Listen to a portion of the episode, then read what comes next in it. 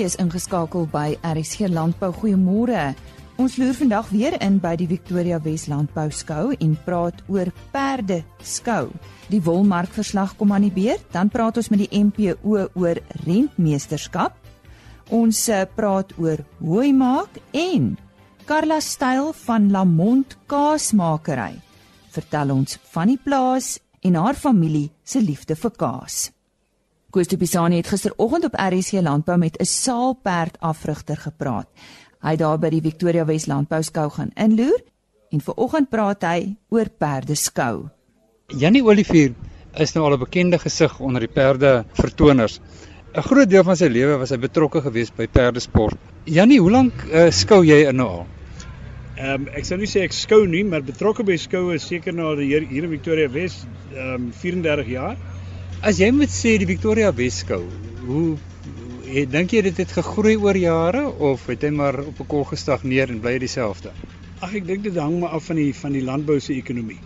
Uh, party jare is hy op en party jare is hy af, maar kyk as jy kyk na ons infrastruktuur, dan het ons gegroei. Ehm um, as jy kyk na ons gasvryheid, dan het ons skou gegroei.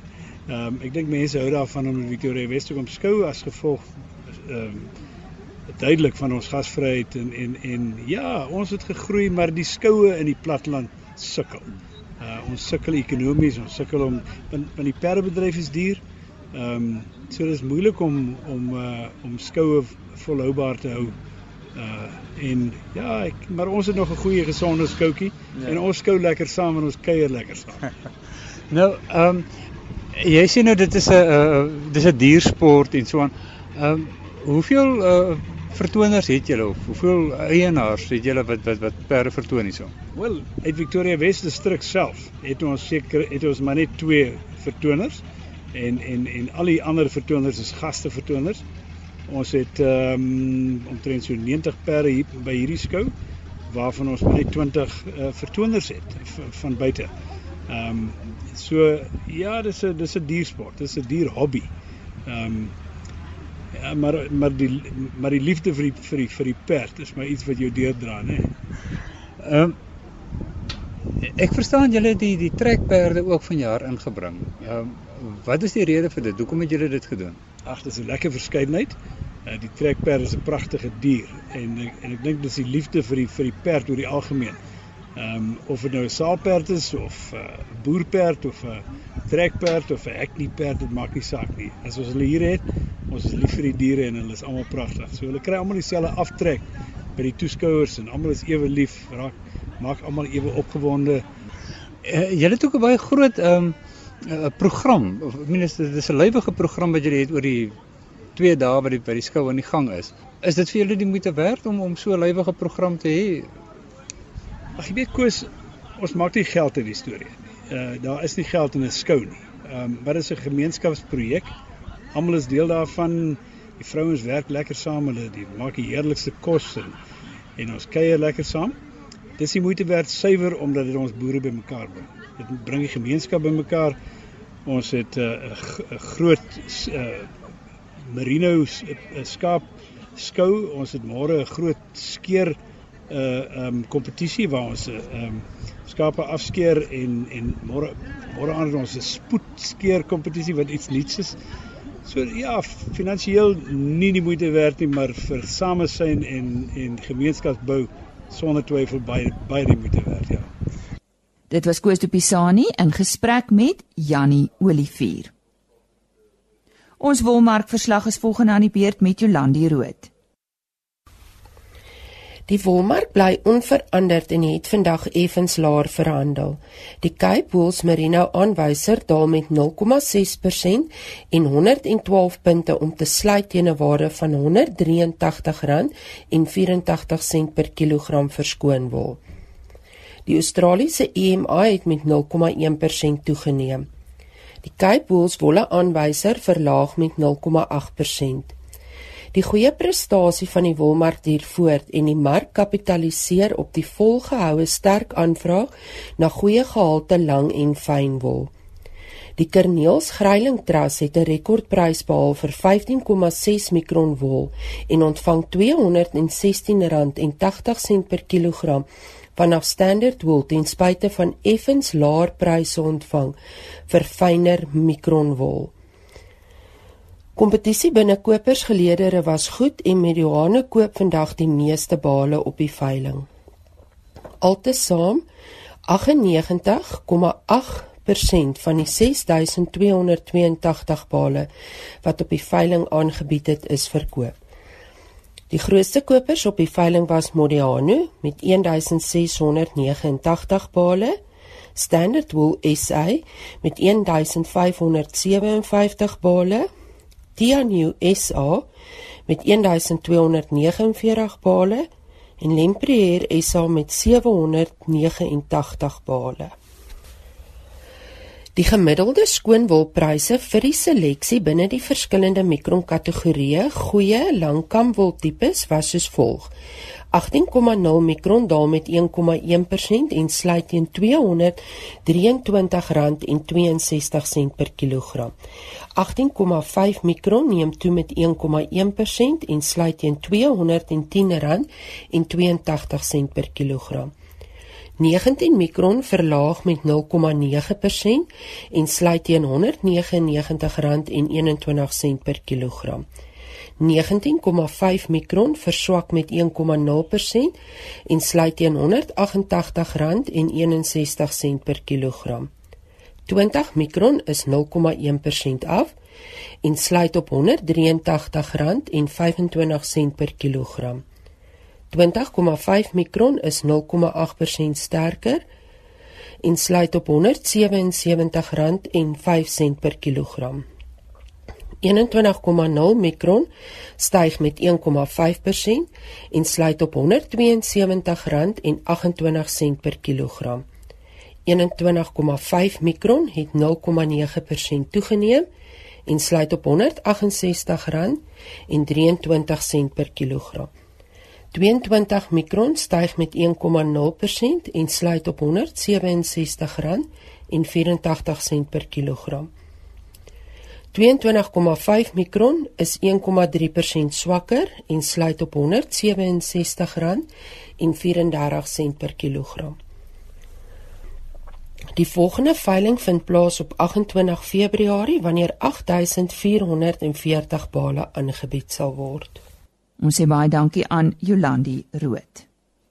Met die fokus op watertekorte in die Kaap het nie net die provinsie nie, maar ook die res van die land weer eens die erns van waterbesparing besef. Nou Barbara Beeld van die Melkprodusentorganisasie gesels met ons oor waterrentmeesterskap en waarom die MPO soveel fokus nou juis hierop plaas. Ja, Barbara, wat beteken rentmeesterskap en hoekom is waterrentmeesterskap so belangrik vir die MPO?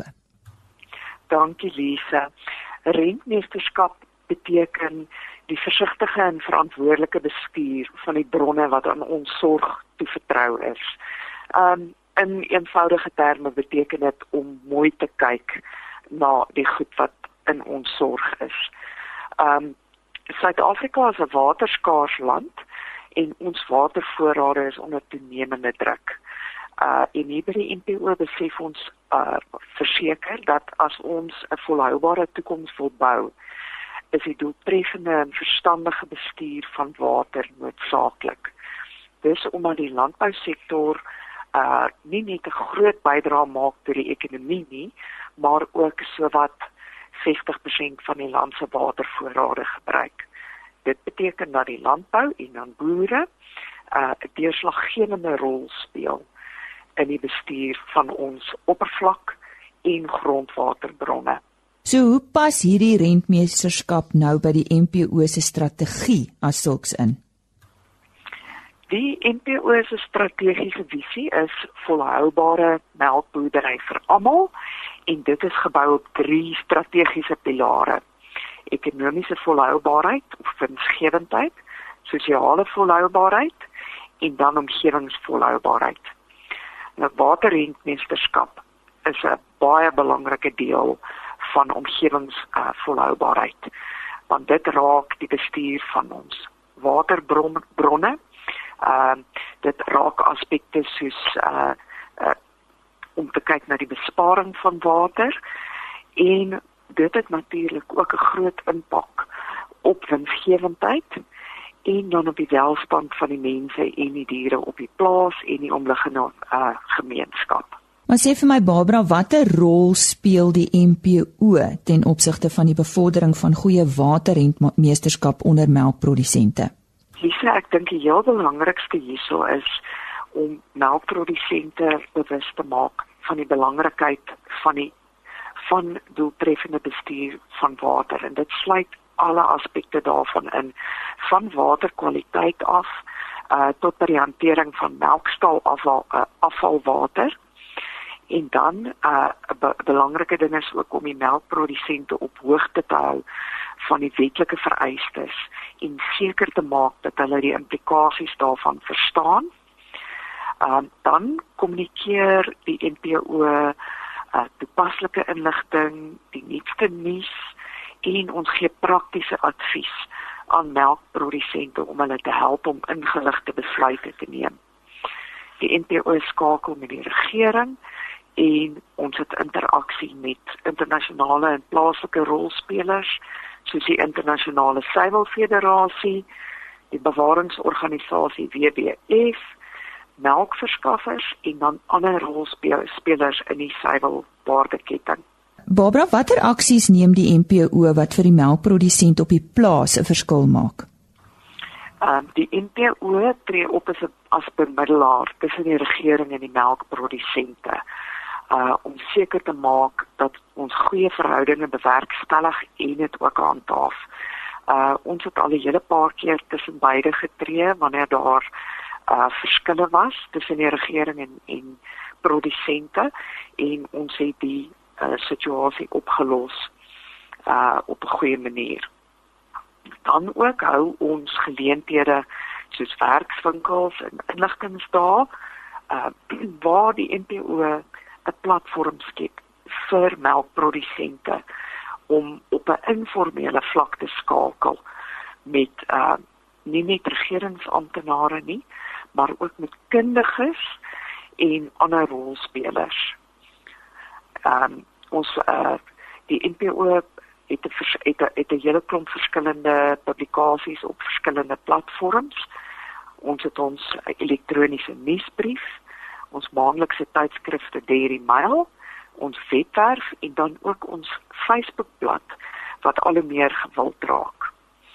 Verlede jaar het die NPO uh, verbruikersvriendelike riglyne oor die magtiging en registrasie van watergebruik spesifiek vir melkbore opgestel en gepubliseer.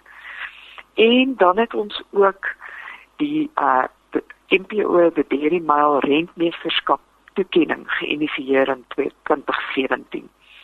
Nou wat hierdie uh kompetisie of toekenning uh ek dink die grootste funksie daarvan is dit gee aan ons produsente wat deelneem die geleentheid om te bepaal waar staan hulle ten opsigte van rentmeesterskap aanwysers waarvan ehm uh, watergebruik byvoorbeeld een voorbeeld is. Ehm uh, hulle kan sien waar is daar ruimte vir verbetering.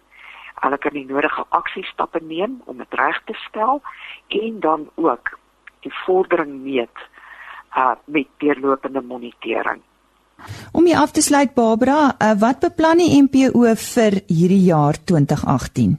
Lisa, ons sien baie uit na 2018. Ons beplan 'n um, 'n hele paar geleenthede uh in die vorm van inligst, inligtingsdae en werkswinkels waar die fokus gaan wees op praktiese demonstrasies en op die op die gee van advies wat die boere kan terugneem en gaan op hulle plase toepas.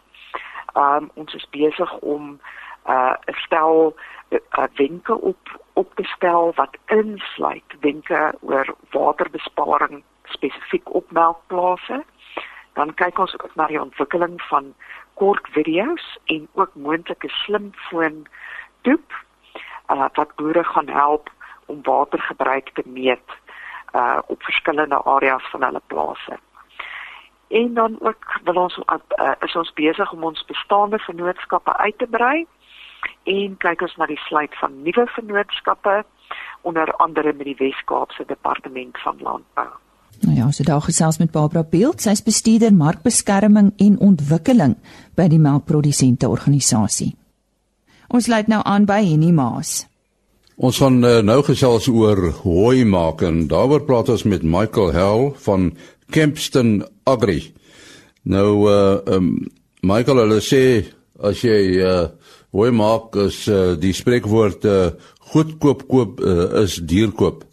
En nou as jy as jy hooi maak geld hierdie beginsel natuurlik ook. Dit gaan oor toerusting, nee. jy moet jy moet reg beplan om die regte toerusting te koop.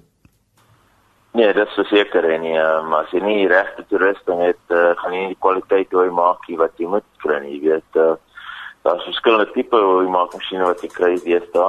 Ehm um, jy weet byvoorbeeld as kom by die snyers en so aan, kan jy uh, byvoorbeeld 'n bossiekapper gebruik en so om om gras te sny, maar onmiddellik as jy sny met 'n bossiekapper, sny jy die goeie se eerstens skiet dit wat ons noem in Engels 'n double cut en dan uh, verloor jy uh, wat stadium stukkies in en baie van die goeders van die baan. Die ander ding is hy gooi onmiddellik in 'n windry. So as jy hom in 'n windry gooi, onmiddellik vir dit lank om droog te raak. En dan verloor jy jou kwaliteit. Maar as ek kom by 'n tommer, dan sny jy en lo los jy die gewas wat jy sny, die stille wyte as wat jy sny het, jy weet. En raak die goeders baie gou uh, droog. En ehm um, jou kwaliteit is baie beter. Ek het ook nie dan wat ons so as ek sê het vroeër in Engels die double cut sien so. Jy weet so Ja, en daar's ook plekke waar jy uh, miskien 'n kneser moet gebruik. Jy weet, daar's enige in plekke waar hulle gereeld reën kry en hulle moet die gewas van die van die lande afkry voor die reën kom en uh dit mors, jy weet. So ja, uh, dan het jy ook kneser nodig. En met die knesers gebruik jy verskillende knesers. Uh vir gras gebruik jy 'n vinger tipe kneser dan kom met lucerne en haver en so aan om jy hierdie rolle tipe kneus gebruik. So ja, ehm um, dis belangrik om die regte masjiene te gebruik. Ja, jy raak nou 'n belangrike punt aan. Hierdie masjiene uh, word hulle plaaslik vervaardig of word meeste ingevoer? Daar is van al wat plaaslik vervaardig is, maar ek sou sê meeste dat omtrent 80% van hulle word ingevoer. Ek sou sê jy weet uh, jou beter kwaliteit masjiene word eers getoets oor see en uh in uh, plekke soos Nieu-Seeland, Duitsland, daai plekke. So ons masjiene kom van Duitsland af. Uh, ons bring die klasmasjiene in van Duitsland. En ehm um, ja, ek sou sê ja, meeste van hulle kom van van Oosie en en dan ja. Goed, die die die masjien om die hooi te maak is nou een ding, maar jy moet nog die regte kwaliteit self bepaal, self maak, né? Nee. Nee, verseker. So op die einde van die dag moet jy ook kunsmis gooi en daai klas goeders, jy weet, en jou tyd wanneer jy die gewas moet sny, jy weet, uh, dit help nie byvoorbeeld lucerne en laat jy hom te te lank laat uh, groei en hy uh, verloor sy blare en so aan. Of hy dis 'n certain hoeveelheid uh, wat hy met 'n blom kom byvoorbeeld. En as jy hom te lank laat uh, laat groei dan verloor jy baie van die blare en so aan. Uh, dis amper dieselfde met die grasse ook, jy weet. Uh, ek moet sekere stadium waar jy moet definitief dit sny. Nie te vroeg nie en ook nie te laat. Jy weet dan dat praat baie keer moet jy eintlik uh, eers in die middag sny wat daar is fotosintesis uh eh, gebeur, gebeur voordat jy dit sny dat jou dat jou nutrients are in the leaf. Ehm um, jy weet so dis ook nogal belangrik uh, om baie te goed te sien aan te neem voordat jy jou gewas sny en uh wat jy insit, jy weet. Nou is dit lonend om uh, self jou hooi te maak. Nee, verseker. Nee, Michael, uh, jy weet die laaste vraag.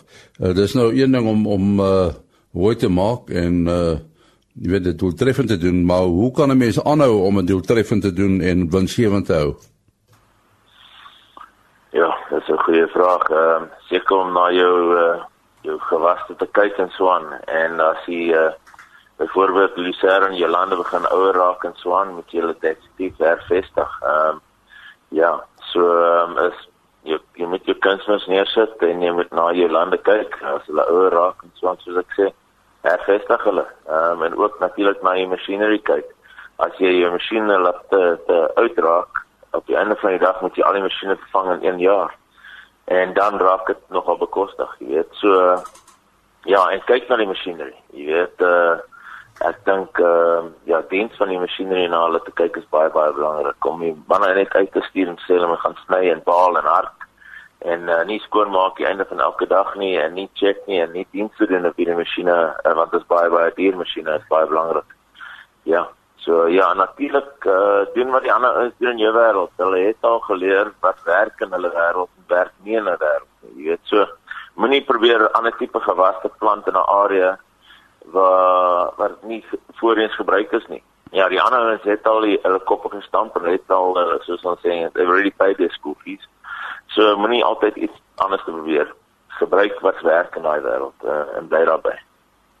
Ja, baie waar woorde daarvan Michael Howell van Kempston Agri. Dankie Jenny. Kom kuier gerus nou saam met ons by Lamont. Ja, hulle is 'n bekende kaas wat eh, landwyd beskikbaar is. Ek het daar gesels met Karla Styl. Sy vertel ons eers 'n bietjie van die plaas. Môre Lise, dankie dat ek vanoggend met jou kan praat. Um ja, Lamont is 'n klein fabriek um wat spesialiseer in spesialiteitskaase. Um ons produseer Royal Ashton, Salumi, Maassam, so baie kaase wat nie net 'n algemene kaas is nie, maar 'n bietjie meer het. Die fabriek is geleë tussen Ashton en Swellendam op die R60 in die Wes-Kaap en ons werk so 30000 liter per dag deur. Um die plaas was ook altyd my pa het net gemelk en hy het in 1994 besluit hy wil bietjie meer doen as net 'n melkboer wees wat melk lewer vir Bonita En hy het toe op 'n kaasmaak kursus gegaan wat daardie dag net daardie tyd net een dag was. Hulle het dit by Elsenburg aangebied deur Dr. Norman. En dan stap jy daar uit na een dag, jy kry sertifikaat as 'n kaasmaker. En toe het hy begin kaas maak, hy het eers feta gemaak en van daar af het hy net uitge, uitgebrei. En die naam, vertel ons bietjie daarvan? Lamont um, is van 'n Duitse afkoms af, my pa is Duitsers. Um oorspronklik kom hy van Namibia af, maar sy ouers kom van Duitsland af en La Montanara beteken mooi berge. En toe hulle uit Namibia uit die plaas kom koop het en Nina toe getrek het toe, was hulle so mal oor die berge en hulle toe die plaas genoem van Saras rivier af na La Montanara. En die kudde op die plaas, is dit jerseys? Ons het net jersey beeste ja. En nou hoe en wanneer is jou belang toe geprikkel? Ek het nog altyd 'n liefde vir kos maak gehad. En ek dink ek glo as jy kan kos maak, kan jy wyn maak en kan jy kaas maak en as jy lekker kan eet dan weet jy om al daai goed lekker te maak ook. So omdat ek altyd 'n belangstelling in kos maak gehad het, ek het gasvryheid en spesiering geswat. En ek het in 2009 die kaas 'n kaas deli hier op die plaas oopgemaak. En ons het so ag as dit stil is in die wintermaande het ek sommer kom leer om kaas te maak in die fabriek sodat ek vir die kliënte wat kom die beste verduideliking en prentjie kan skep van die produksie van kaas want die kliënte wil altyd net weet dit word van melk gemaak en ons kan dit eet nie. Party um toeriste en kliënte wil bietjie meer weet. En so dink ek het ek eintlik goed gedoen beter as verwagting en dit het my geprikkel want dit is skematies en jy hou by sisteme en daar's baie dissipline betrokke maar tog jy baie innoverend wees. En ek het toe van die Delhi afgeskuif fabriek toe en ek het onder begin as 'n masjienoperateur so begin kaas maak. En elke dag 'n bietjie meer geleer van kaas self. En uh, waar dit my nog steeds interesseer is dat dat dit so gestruktureerd is maar tog is jou boundaries endless as ek dit nou so kan stel met kaasproduksie met verskillende kase maak um, om innoverend te wees ensovoorts Karla, ja, toe ek besoek by julle afgelê het, was ek aangenaam verras in die fasiliteite ook wat julle daar het. Dit gaan nie net oor kaas eet nie, dis 'n hele ervaring daar op die plaas. Ja, dit is wat ons probeer skep vir die vir die toeriste en vir die kliënte wat kom is om 'n bietjie van die Europese gevoel te hê. So by die deli wil ons kaas verkoop wat ons self maak en die kaas wat ons self kan maak, ek koop ons aan en dan het ons ook tans by die fabriek op by die plaas gaan ons 'n klomp varkies aankoop om die wat die afval is by die fabriek weer her te verbruik en dan gaan ons lekker Franse vleise maak en ham en al die lekker goeie sodat wanneer jy by die deli kom, kan jy jou vleisie koop, jy kan jou kaas koop. Um jy kan lekker sit en jy het 'n pragtige uitsig wat net van die in Suid-Afrika af lyk. Like, dit lyk of jy oor see is, sê die mense altyd. Nou ek neem aan jy's nou die hoofkaasmaker, maar daar is 'n hele span. Uh, vertel ons van hulle. Ons het in die fabriek is so 70 werkers. Um ons doen baie van die werk nog self met die hande. Ons is nog nie so masjien gedrewe nie. Maar dan uit die 70 werkers uit is dit 10 in die kantoor wat bestellings, krediteure, debiteure doen en dan die die ander die 60 is in die fabriek tussen verpakking en produksie verdeel. En dan die span onder my is so 8 mense en ons is dan verantwoordelik vir die produksie van die kaas en die beplanning daarvan ensovoorts. Nou Karla, ek weet elke kaasmaker het soos ek al geleer het 'n gunsteling kaas. Wat maak jy nou graag? Ek eh, ek maak almal self, so dit is 'n groot verskeidenheid, maar my gunsteling om ge te gebruik by die huis of wanneer ons gaste het of kuier, sal definitief halloumi wees. Um dis 'n baie alomteenwoordige kaas.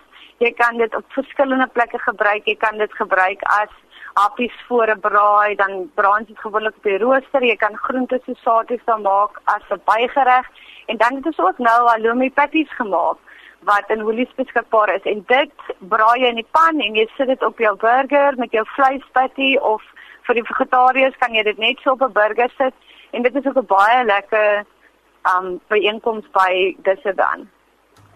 Jy het ons nou so 'n bietjie van die varkies vertel, maar wat uh, lê nog vir julle in die vooruitsig, uh, Karla, daar by Lamont?